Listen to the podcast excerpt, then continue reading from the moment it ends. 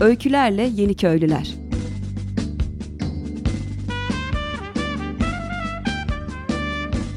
Türkiye'den ve dünyadan kırsala dönüşün öncüleri.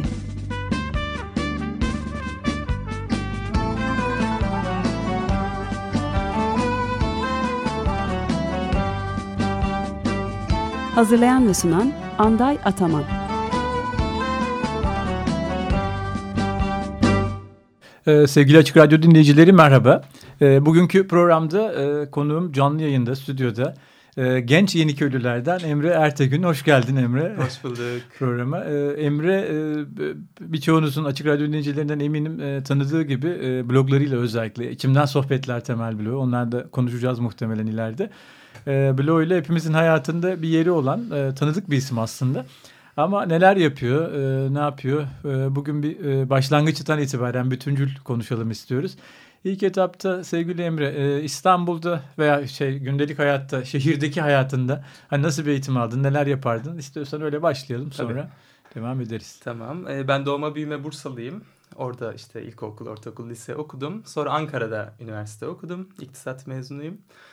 Ee, sonra İstanbul'da çalıştım. Yani büyük şehirleri sırayla gezdikten sonra İstanbul'da da işte 5-6 yılda 7 iş değiştirdikten sonra e, hiçbir yerde olmadığını ve bir şeylerin ters gittiğini gördükten sonra 30 yaşında emekliye ayrıldım. E, öncelikle bir yollara düştüm. Yaklaşık işte 2 yıla yakın bir süre bir göçebe idim ve işte ekolojik çiftlikleri dolaştım. Arkadaşlarımın evlerinin ekolojik çiftlikler, işte zaman zaman yorulduğumda, sıkıldığımda işte ailemin yanına gidip sığınıp biraz nefeslenip sonra tekrar yola çıkma şeklinde geçen bir buçuk iki yıl sonra Hmm, hayatımda köy görmemiştim bu arada 30 yaşıma kadar. Ee, ilkokuldaki okul gezisini hariç tutarsak e, köy görmüştüm yoktu. Ee, sonra gördüm ve gördüğüm şeyi bayağı sevdiğimi fark ettim. Ve işte o ziyaretler sırasında işte Tatuta çiftlikleri programda da zaten sürekli adı anılıyor. Hmm, ziyaretleri sırasında böyle bir hayatı bir anda düşleyebildiğimi fark ettim ve fark ettiğim an ki şaşkınlığımı hatırlıyorum şu anda. Bayram Yeniköy'de idi ve ilk bu, bu fikrin tohumun aklıma düşüşü. Ee, işte o sürecin sonunda da hmm, Köyceğiz'in Çandırköy'ünde yaşamaya başladım. Ee, yaklaşık işte bir buçuk yıldan fazla, iki yıldan biraz daha az bir sürenin sonunda Çandır'da şu anda yaşıyorum. Orada dört kişilik bir topluluk halinde yaşıyoruz. Sen de geldin ziyaret ettin zaten bizi. Ee, keyifli bir hayat keyifli yaşıyoruz. Bir kabaca giriş bu şekilde oldu. Peki büyük şehirde yani seni temelde rahatsız eden neydi bugün dönüp baktığında? Onunla ilgili bir şey söyleyebilir misin? Yani insan ilişkileri mi, ekonomik ilişkiler mi, e, şıkkı hepsi mi? E, neler neydi problem aslında? Aslında o anki problemin ne olduğu yani şu anki bakışım farklı ama o an daha farklıydı. O an böyle e, bu işte bir yanlışlık var daha iyi bir iş bulmam lazım. O olmadı başka bir iş. O olmadı bari sivil toplumda çalışayım insanlar için güzel bir şeyler yapayım dediğim bir süreçti. Ee, ve ve daha iyi bir iş, daha iyi bir iş vesaire diye düşünürken aslında e, sorunun iş değil, sistemin bütünü olduğunu şu anda baktığımda veya işte belki Hı-hı. göçebeliğe başladıktan bir süre sonra baktığımda e, daha iyi algıladım.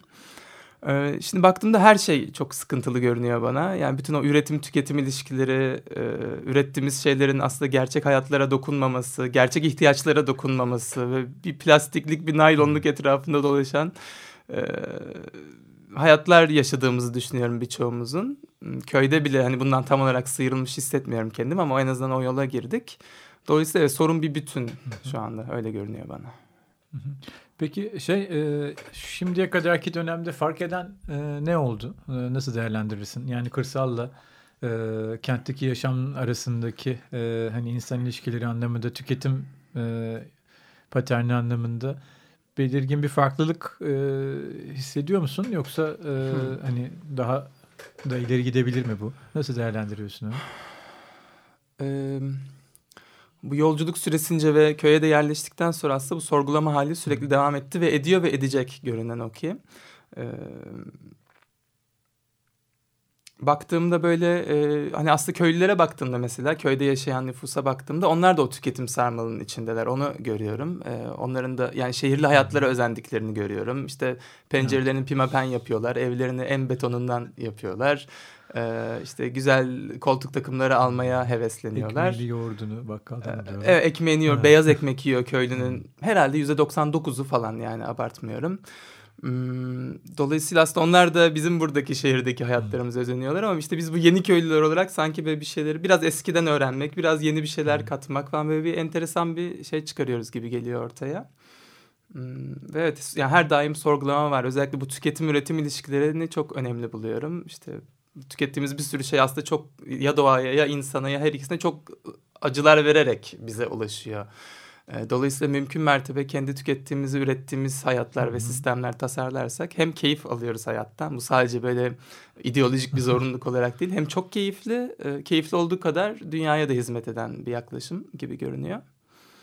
Tam olarak cevap olduğum soruna bilmiyorum ama. Yok tabii tabii tabii aslında oldu merak ettim. Peki e, şeyi e, sormak istiyorum sana. Gerçi sen paylaşımlarında bunu e, şeffaf bir şekilde sürekli e, zaten şey yapıyorsun paylaşıyorsun herkesle e, blogunda.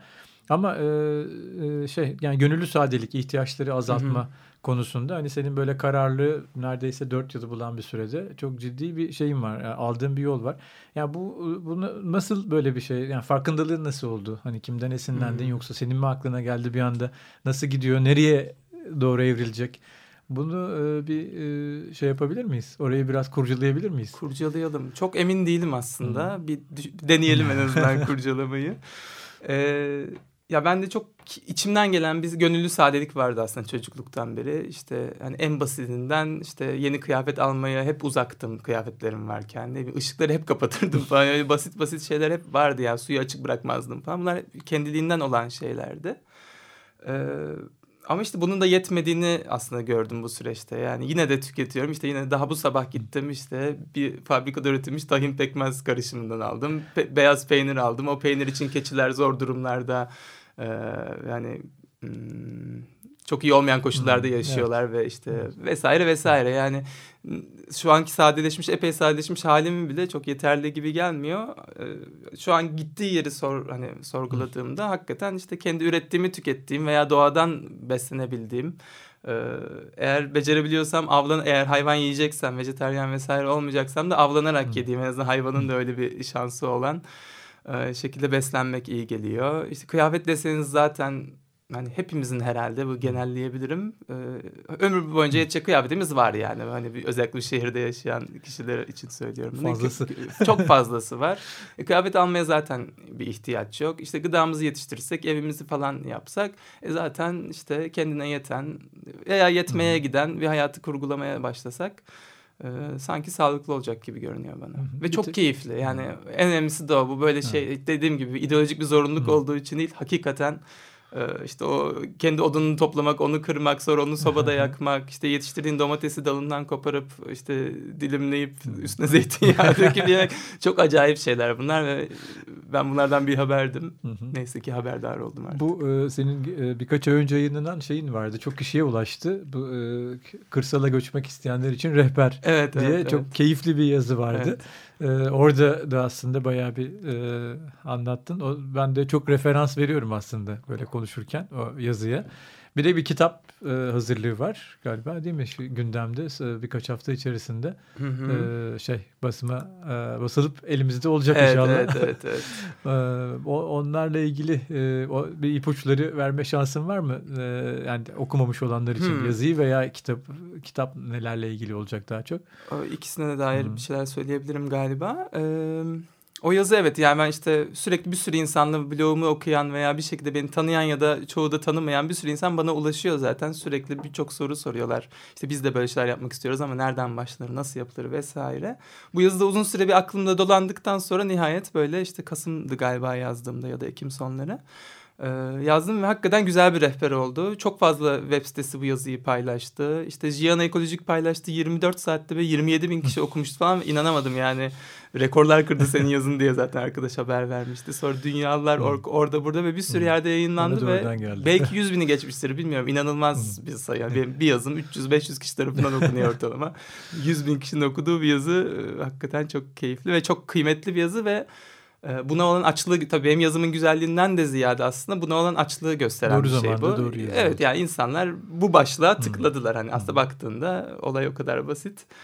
Ee, öyle yani bu yazıya ve diğer yazılara işte bir, birkaç web sitesi de yayınladı ama içimden sohbetler.blogspot.com'dan e, ulaşabilirler. E, tabi bu yazı biraz arkalarda kaldı. Ondan sonra epey bir yazı yazdım. Ama bir Google aranısıyla da bu yazı özelinde bulabilirler tabii. Kitaba gelince kitapta da yine aslında hep blogda yaptığım şeyi yapmaya çalıştım ve işte bu dönüşüm sürecimi anlattım. İşte 2012 bahar aylarında başlayan yazın istifa etmemle devam eden ve işte en nihayetinde köye yerleşip orada bir hayat kurma çalışmalarına girmemi anlatan bir süreç. Ee, orada yaşadıklarımı, gezdiklerimi, gördüklerimi ama bununla kalmayıp işte o, yine o süreçte işte sisteme dair, paraya dair, ilişkilere dair, aklıma gelen her konuya dair epey atıp tutmuşluğum var blogdaki yazılarda da. Oradan da yaptığım alıntılarla e, böyle bir ortaya karışık e, bir kitap ortaya yani işte çıkmak üzere artık eli kulağında. Adını koymak en zorlu kısmı oldu. Böyle kitap bittikten bir yıl sonra anca ismi gelebildi. E, o da Yeniye Doğru Yeniye doğru. Yeniye doğru ha, olacak. Tamam. Ee, işte 2-3 hafta içinde basılacak. Tabi burada şunu söylemek çok belki önemli. Ee, herhangi bir yayın evinden de çıkmıyor kitap aslında. Tamamen topluluk desteğiyle gerek parası gerek şu an kapağı, dizgisi her kısmı topluluk desteğiyle işte parayı da topladık bastıracağız. Sonra yine arkadaşlarım, eşim, dostum yardımıyla dağıtımını da gerçekleştireceğiz. Ha, tamam. Ücretli olmayacak, satılmayacak kitap armağan olacak. Zaten armağanla yazılmış bir kitap armağan olarak da dağıtılacak. Ee, çok heyecanlı bekliyorum. Herhalde Mart'ın ilk haftası falan öyle umuyorum. Doğru iyi o. Ben de bekliyorum. Güzel. Şimdi istersen bir kısa e, şey müzik arası verelim. Aha. Sen anons etmek ister misin? Ee... Ee, olabilir biraz bahsedebilirim. Ee, ya Whiplash diye geçen yıl ben işte çok etkilendiğim bir film izledim. İzlediğim en iyi sinema filmlerinden biriydi şimdiye kadar. Onun soundtrackinden ve filmde de her duyduğumda böyle içimi kıpırdatan bir parçaydı. Parçanın adı da Whiplash zaten.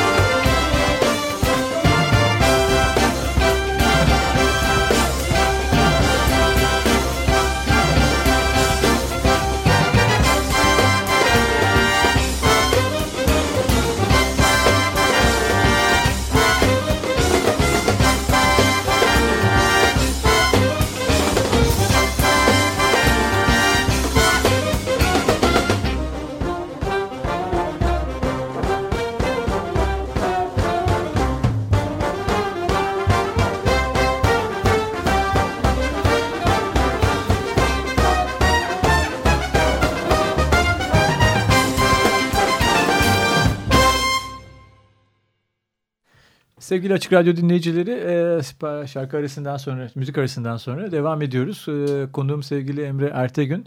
E, onunla sohbetimize devam ediyoruz. Emre'nin ben bir ayrı bir yere girmek istiyorum. Çünkü yaşadığı şeylerde bloglarında özellikle geldiği yer hani hem genç yaşta e, kentsel hayatı e, şey terk edip yani bir mesleği para kazanma şansını bırakıp e, bilinçli olarak kırsal yaşamı e, tercih etmesi anlamında çok kıymetli. Bir de bunu artık tek başına yapmıyor. Küçük de olsa bir kolektif e, içerisinde e, ortak hareket ediyorlar. Bu ikisi bana hani farklı ve değerli gelen yönler. Onlar e, onun altını bir çizip o, bu, bu aşamaya nasıl geldi onu artık Emre'ye sormak istiyorum. Hmm.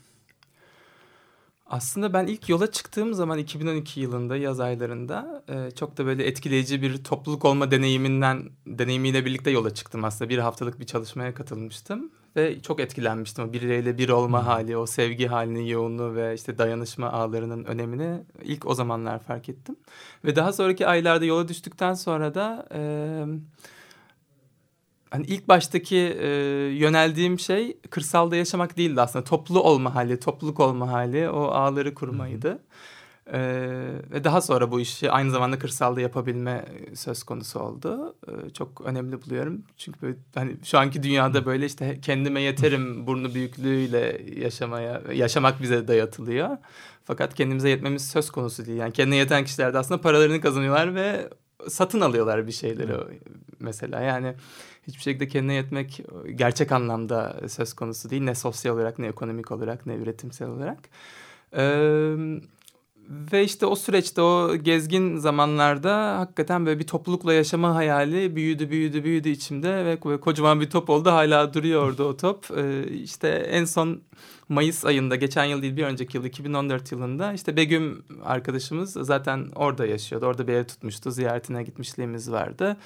Ee, bir arkadaşımız daha o sıralar Bülent e, vardı. O da orada yaşıyordu. Hadi gelin artık falan diyordu. Çünkü sürekli bu hayallerden bahsediyoruz. Hadi birlikte yaşayalım ileride vesaire diyoruz. Hadi artık bir deneyelim bunu. Burada uygun bir ev de var diye bir gün çağırınca ben ve Burcu da e, Çandır'a gittik ve dört kişilik e, mini bir topluluk deneyimi başlamış oldu.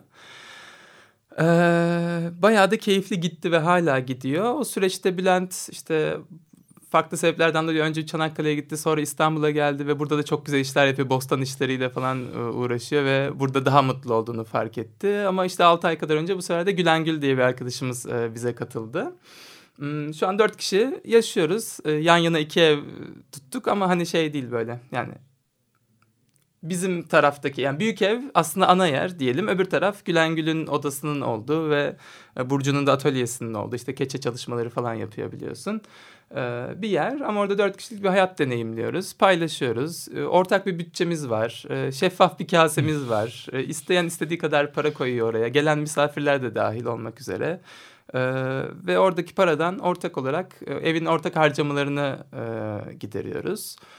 Ee, çok kolay dönüyor hayat orada. Hani belki para demişken e, ya inanılır gibi değil hakikaten. Böyle ayda 500 lira fazla geliyor kişi başı baktığınızda ki biz iki evin kirasını ödüyor olmamıza rağmen şu anda köyün hatta en yüksek kirasını ödüyor olmamıza rağmen e, gıdaların en iyisini almamıza rağmen ekolojik çiftliklerden e, pahalı diyebileceğim ama aslında gerçek değerine e, aldığımız fasulyelere, nohutlara ve unlara rağmen, tahinlere rağmen veya bunlarla birlikte ayda 450-500 lira ile geçiniyoruz. Yani bu mu muhteşem bir şey bence ve hani işin en kilit noktası da bu aslında. Hep korkulan taraf nasıl geçineceğiz? Aslında o kadar az bir paraya ihtiyacımız var ki e, o parada o bu şekillerde mutlaka e, elde edilir yani o kadar zor olduğunu düşünmüyorum. Ee, orada güzel bir dengemiz var. Ee, sürekli bir iletişim halindeyiz. İşte haftalık çemberler yapıyoruz ve işte birbirimizi böyle kalpten konuşup kalpten dinlediğimiz ortamlar yaratıyoruz. Hmm, işleri belli bir sırayla değil yine akışında işte bir gün oluyor biri yemek yapıyor öbürü bulaşık yıkıyor. Biri bir hafta hiçbir şey yapmayabiliyor ama sonra bir hafta bütün işleri eğilebiliyor ve hepimiz birbirimizi gözetiyoruz. Yani işte ben kitap yazdığım süreçte mesela elimi sıcak sudan soğuk suya koymadım. Çayım biter bitmez tazeliyordu falan arkadaşlarım. Ama başka bir zamanda da aynısını ben onlar için yapıyorum falan ve çok güzel bir e, gidişat var şu anda. Gittiğim gittiği yerde aslında zaten işte hani en başta bir 15-20 dakika önce konuştuğumuz konular hani kendine yetme hikayesini çok önemsiyorum. Bu sistemin mümkün mertebe parçası olmama halini çok önemsiyorum ve önemsiyoruz. Ee, daha büyük bir topluluk olarak kocaman bir arazide kendi yaptığımız evlerde yaşayarak, kendi ürettiğimiz ürünleri e, tüketerek, yiyerek, içerek, e, bol bol oyun oynayarak, dans ederek e, ve işte ne bileyim belki 8-10 kişi, belki 15 kişi bilmiyorum. Zamanla da artsın istiyoruz ama öyle bir başlangıç yapmayı istiyoruz görünür gelecekte, yakın gelecekte. Bakalım nereye gidecek. Hmm, evet, evet, evet çok e, güzel, heyecan verici projeler takip edeceğiz evet, tabii. Anlatırken heyecanlandım ben de tekrar. çok güzel. Şeyi e, ben kaçırdığım e, senin bahsettiğin bir şeyi sana bir tekrar sormak istiyorum. Bu Güneybatı toplaşması bu Buket'in ev sahipliğinde Ee, ben tabii çok üzüldüm onu kaçırdığıma. Tam yeni köylüler toplanmış. Hepsini bir arada evet. yakalamışken çok güzel şeyler yapabilirdim. Bir dahakine artık. Ee, orada nasıl bir ortam oldu? Yani çünkü hani o, bir anda sen böyle bahsedince ben on, o bir ön adım gibi geldi bana. Hmm. Yani siz orada öyle toplanıp birlikte eğlenip hani vakit geçirebiliyorsanız elbet buralardan bir şeyler e, farklı yöne doğru evrilecek diye düşünüyorum. Yani bu bir şeyler çıkacak. Orada bir bir şey var yani bir kritik bir şey, eşik e, oluşuyor orada. Evet, evet. E, o o nasıldı? On yani orada ne diyebilirsin onunla ilgili? Ee, işte Neler bu da hissettin? Buket ve Tangala hmm. proje platformu sağ olsunlar. Bizi e, bize misafirperverlik gösterdiler hmm. ve konuk ettiler. Bir 60-70 kişi toplandık. Bir çağrı yaptık ve hmm. bir anda toplanıverdik aslında yani ve işte Güneybatı toplaşması dedik adına. Hani kabaca Datça'dan Kaş'a kadar olan kesimde hı hı. işte Köyceğiz'i, Fethiye'si, Marmaris'i, bizim Dalyan tarafları falan. Ee, bu civarlarda yaşayan yeni köylüler bir buluşalım bakalım ne oluyor dedik. Ee, tabii bir günkü yani bir günlük bir toplaşmaydı bu ve tabii bundan böyle süper önemli çıktılar hmm. olacak vesaire olacak gibi bir derdimiz yoktu. Bir bir araya gelmekti derdimiz ve çok keyifli geçti. 60'ın üzerinde kişi vardı. Bunun 50'si orada konakladı. Ee, üniversite yıllarında bile yaşamadığım bir şey yaşadım. 50 kişinin aynı anda yerlerde yattığını gördüm. Yani sabah uyandığımda çok komikti manzara. Herkes yerlerde uyku tulumlarıyla, matlarla falan yatıyorlar. Ee, bir tanışma çemberi yaptık kocaman. 60 kişi olunca tabii iki buçuk üç saat falan sürdü. Sadece bir herkesin kısaca kendinden bahsetmesi bile. Ee, daha fazla derinleşme şansı bu toplaşma için, bu toplantı için olmadı. Ee, eğlenildi, dans edildi. Böyle güzeldi yani yedik içtik. Herkes işte imece usulü herkes hmm. yemeğini, gıdasını getirdi. işte içeceğini getirdi falan ve e, keyifli geçti. Bu da aslında biraz hareketlendirdi oraları. Biz ondan sonra mesela Dalyan'da biraz bunun ivmesiyle bir topluluk bostanı kursak dedik ve işte Murat arkadaşımız var orada Murat Sezen. O da bu işlerden epey anlayan biri. Onun kaptanlığında öyle bir şey yapabilir miyiz dedik. Birkaç kere toplandık. Sonra ben yollara düştüğüm için biraz süreçten uzak kaldım şu an. Son durumları bilmiyorum ama öyle bir şeyler yapmak istedik. Şimdi ikinci toplaşma gündemde Mart ayında. Şu an tarihi tam belli değil. Ona gelebileceğini umarım. Ee, Mutlaka. Yeri ve tarihi netleşince haberleşiriz nasıl olsa. Ee, Öyle bir şeyler yani bu sadece bir ilk toplantıydı ama hani orada yalnız olmadığımızı biliyorduk Hı-hı. ama biraz daha fark ettik. Epey bir insanız aslında bu yola giren. Ee, herkesin üç aşağı beş yukarı hayalleri aynı. İşte herkes doğada yaşamak istiyor. Bu tüketim halinden uzaklaşmak, işte sakin yaşamak, yavaş yaşamak, uzun kahvaltılar yapmak e, istiyor. Ee, işte acaba bunda nasıl ortaklaşırız? Nasıl birlikte bir şeyler yaparız? Bu hemen birlikte yaşamak olmak zorunda da değil. Olursa daha da güzel olur. ee, ama hani birlikte nasıl üretiriz? Nasıl buluşuruz? Nasıl en azından üç ayda bir buluşup böyle bir oyun oynayıp dans etsek o bile çok önemli bir dayanışma. Hmm, çok keyifliydi yani güzeldi. Evet, evet. Tangala'nın bu program içinde çok önemli bir şeyi var. İlk programı canlı Cem gelmişti. Evet. Buket tabii kalmıştı o yüzden mecburen. Ee, Cem'le yapmıştık. Çok da güzeldi. Onun çok da güzel geri bildirimleri oldu ilk programın. 30 Ekim'de, 30 Ekim 2015'te. Peki e, programın artık sonuna doğru yaklaşırken e, ben çok kısa bir merak ettiğim bir şeyi soracağım ama kısa bir cevap olabilir ona. Sonra da sen ne söylemek istiyorsan tamam. artık son olarak onlarla bitirelim. E, yani yakın çevren, ailen işte ne diyor yani bu tercihlerine? Çünkü seni okutmuşlar. Üniversitede bir eğitim almışsın, bir yatırım yapılmış. Evet. Ama sen bütün bunları bir kenara koyup tamamen ayrı bir yola gidiyorsun. Onlar nasıl karşıladı veya nasıl karşılıyorlar? Hmm. Ee, başta göçebe günlerde biraz daha endişelilerdi. Özellikle annem çok endişeliydi. Ben hayatımın en güzel günlerini yaşarken e, selam olsun kendisine. Ee, o benim için üzülüyordu, ağlıyordu falan. Ee, anne ben çok mutluyum biliyor musun? Hani dediğimde böyle evet ama işte hep hep gelecek endişesi olduğu için kafalarda o üzülüyordu benim için. Ama daha sonra yerleştikten sonra ve hani o süreçte hmm. tabii bir yumuşak bir geçiş oldu belki. Yerleştikten sonra çok rahatladılar. Yani babam da bu arada tabii başlarda oğlum iyi güzel ama işte hayatın gerçekleri de var gibi yorumlar yapıyordu. Ama zamanla baktı ki aslında hayatın gerçeğini biz yaratıyoruz yani onu bence o da daha iyi görüyor artık. E, dolayısıyla başlarda belki biraz endişe vardı. Şu anda çok mutlu olduğumu görüyorlar e, ve hani gayet de destek olduklarını söyleyebilirim. Hı hı. Kısaca. Son bir dakika için o zaman e, sen ne söylemek istersin? E, hmm. Yani çok güzel bir hayat yaşıyoruz ve bunun bazen ağırlığını hissediyorum omuzlarımı. Şu yüzden ben bu kadar güzel hayat yaşarken milyonlar bunu yaşayamıyor ve böyle hani o yüzden yazıyorum aslında en çok da. Yani ve sallayasım sarsasım geliyor. Bakın hani yapabilirsiniz. Kimisi istemiyor. Onlarla yani onlar istemeyebilir. Saygım sonsuz. Kimisi de isteyip de yapamıyor. Onlar hakikaten çok içimi parçalıyor. Ee, zor değil yani çok kolay onu rahatlıkla söyleyebilirim. Ee, bu konu yani bu adımları atmış çok insan var çok fazla öncü var artık. Hani 3-5 yıl önce veya 10 yıl önce birileri daha işte adım atmaya başlamıştı. 3-5 yıl önce arttı şimdi bizler başladık falan derken aslında kolaylaştı da bu işler. Ziyaret edecek çok yer var tatuta çiftlikleri var yani bu işe bir yerinden başlamak isteyenler bir baksın bence. Ee, korkmasınlar. Korkanlar bana yazsın. Ben e, zaten bayağı mesaimi insanlarla yazışmaya harcıyorum.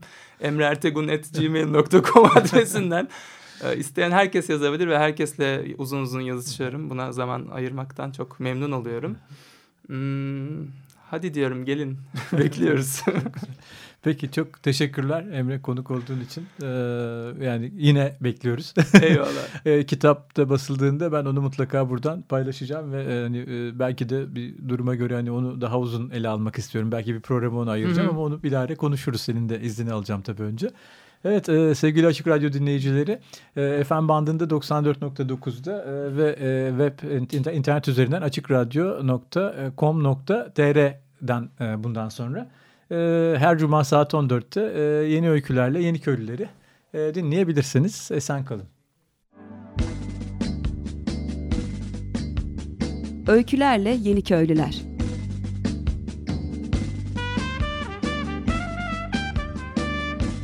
Türkiye'den ve dünyadan kırsala dönüşün öncüleri.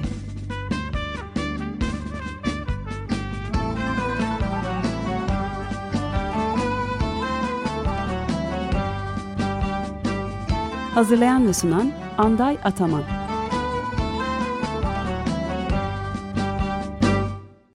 Açık Radyo program destekçisi olun.